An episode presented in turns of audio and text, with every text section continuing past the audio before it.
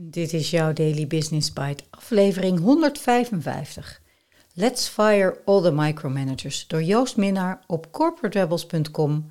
En ik ben je host, Marja den Braber. Je luistert naar Daily Business Bites met Marja den Braber, waarin ze voor jou de beste artikelen over persoonlijke ontwikkeling en ondernemen selecteert en voorleest. Elke dag in minder dan 10 minuten.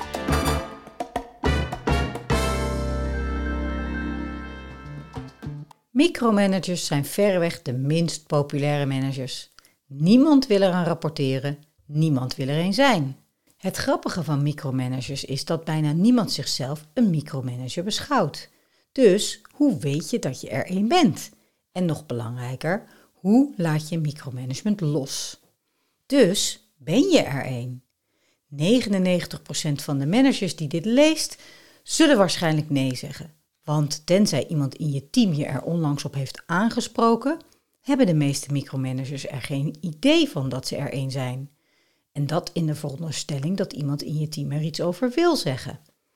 Maar dat betekent niet dat je er geen bent. Zeker niet als teamleden aarzelen om het ter sprake te brengen. Of nog erger, je teamleden beseffen misschien niet eens dat je er een bent. Immers, als ze niet gewend zijn aan enige autonomie in hun werk, herkennen ze het gebrek daaraan ook niet. Micromanagement is hun status quo.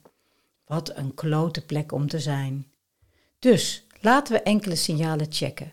Als je een aantal van de onderstaande punten kunt afvinken, moet je misschien eens serieus gaan nadenken. Je vertrouwt er niet op dat je team of een bepaald teamlid hun doelen bereiken. Je krijgt er de kriebels van om voortgang en resultaten te controleren. Je denkt dat het tijd bespaart als je het gewoon zelf doet. Je focust op het dicteren van het hoe in plaats van het wat en waarom. Je geeft geen prioriteit aan meer strategische taken, waar je daadwerkelijke waarde kunt toevoegen. Je bent niet duidelijk over jouw verwachtingen wanneer je taken delegeert. Je bent te veel gericht op de details, vooral wanneer details concurreren met prestaties. Je staat niet open voor andere of alternatieve benaderingen om doelen te bereiken. Je hebt een constante angst om de controle te verliezen. Jij, en waarschijnlijk ook sommige teamleden, zitten dicht tegen een burn-out aan. Herken je enkele van deze punten? Managen versus micromanagen. De grens tussen managen en micromanagen is zeker dun en heeft vaak te maken met verschillende niveaus van vertrouwen. De reden is meestal duidelijk. Een micromanager vertrouwt er niet op dat zijn team het werk kan doen zonder nauwgezet toezicht. Zeker, de meeste mensen hebben begeleiding nodig, vooral als ze nieuw zijn in een bedrijf of functie of als er nieuwe prioriteiten voor hun team worden gesteld. Maar micromanagers met hun controlerende persoonlijkheden hebben de neiging om creatieve mensen eerder te verstikken dan te voeden. En dat is zonde. Immers, als je een plant in een te strakke pot zet, zal hij nooit bloeien of zoiets. Zo geven micromanagers mensen vaak niet de ruimte die nodig is om te ontwikkelen, autonoom te zijn of om hun werk naar een hoger niveau te tillen. Uiteindelijk zitten micromanagers dan met een hoop ongebruikt talent in hun teams en een hoop extra werk op hun eigen bordje. Allemaal omdat ze weigeren mensen te vertrouwen om het werk te doen waarvoor ze zijn aangenomen. Wat is er zo slecht aan micromanagement? Niemand houdt van micromanagement, dat weten we allemaal. Denk aan de plant in de krappe pot. Hij gedijt goed als hij wordt verplaatst naar een grotere plek met meer licht. Hetzelfde geldt voor mensen. Als je niet gelooft in de kwaliteiten van jouw teams, zullen zij nooit gedijen en hun volledig potentieel benutten. Dat is niet alleen slecht voor de mensen, maar ook voor het bedrijf. Onbenut potentieel leidt tot doodlopende wegen in innovatie en motivatie. Het zal de groei van het team, de afdeling waar ze deel van uitmaken en uiteindelijk de hele organisatie afremmen.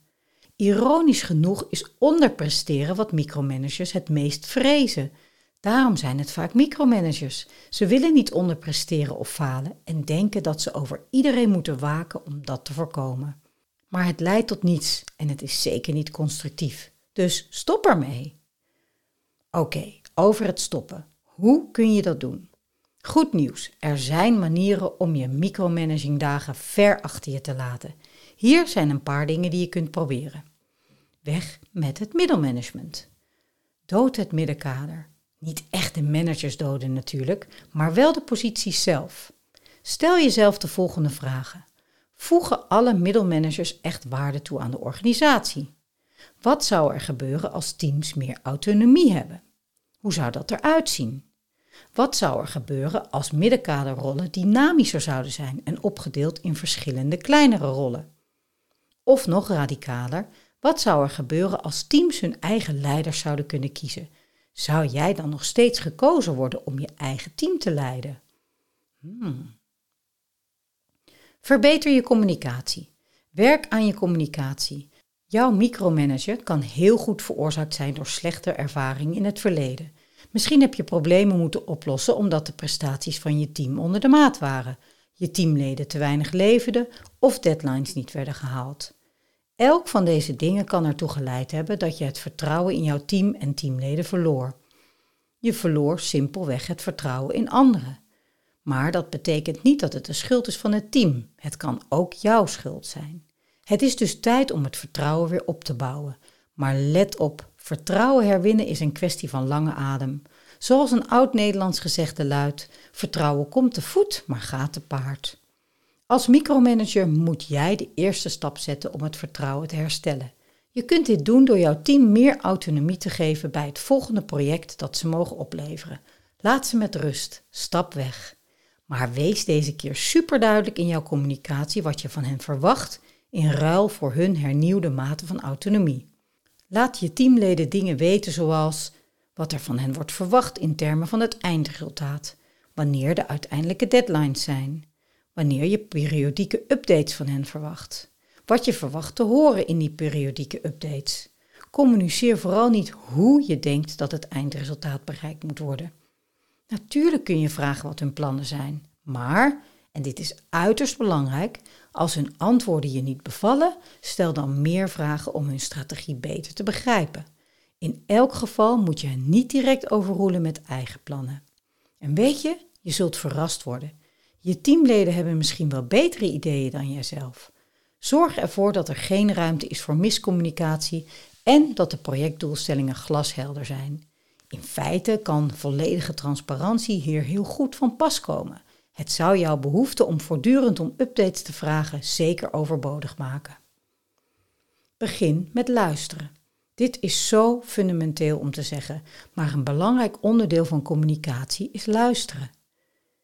Hier is de waarheid. Managers die niet luisteren, zullen uiteindelijk omringd worden door teamleden die niets te zeggen hebben.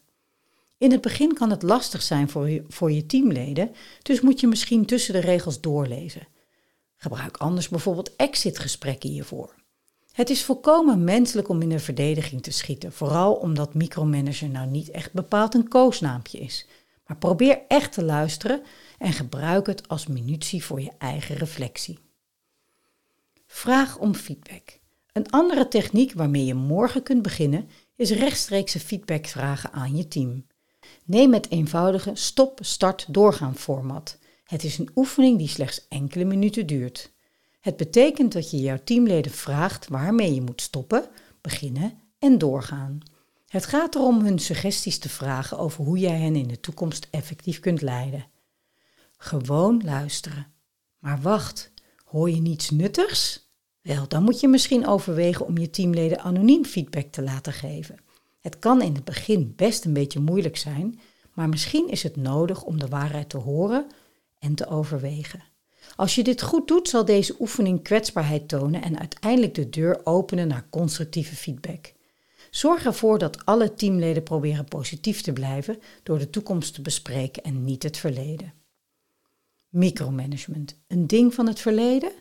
Serieus, probeer het bovenstaande eens. Als we het allemaal zouden doen, zou het woord micromanager uiteindelijk uitsterven en helemaal uit onze woordenboeken verdwijnen. Want uiteindelijk is micromanagement niet constructief. Het hoort niet thuis in het huidige werklandschap. Het is kloten en iedereen haat het. Dus laten we ermee stoppen. Daily Business Bites met Marja Den Braber. Je luisterde naar Let's Fire All the Micromanagers door Joost Minnaar. Wat ik misschien wel het meest interessante vind aan dit hele fenomeen micromanagen, is dat er vaak een goede intentie achter zit en rotsvaste overtuigingen. Je wilt gewoon goede resultaten neerzetten, maar je bent ervan overtuigd dat het alleen maar lukt als jij er bovenop zit. Als je er helemaal bij bent, als je niets mist.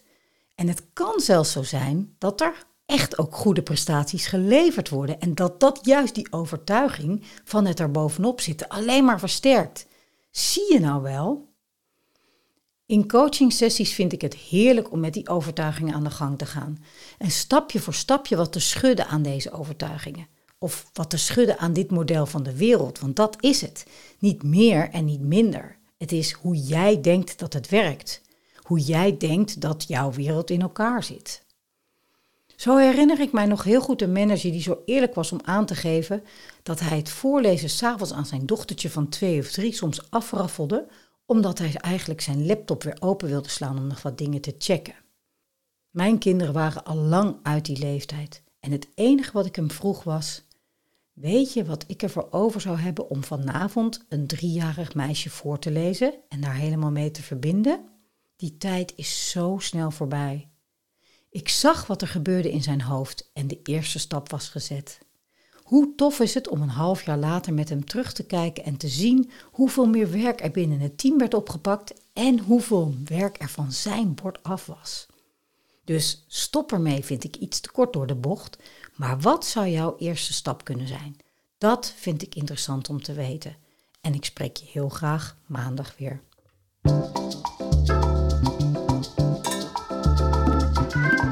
Was Daily Business Bites. Wil je vaker voorgelezen worden? Abonneer je dan op de podcast in je favoriete podcast-app. Meer weten? Klik op de links in de show notes.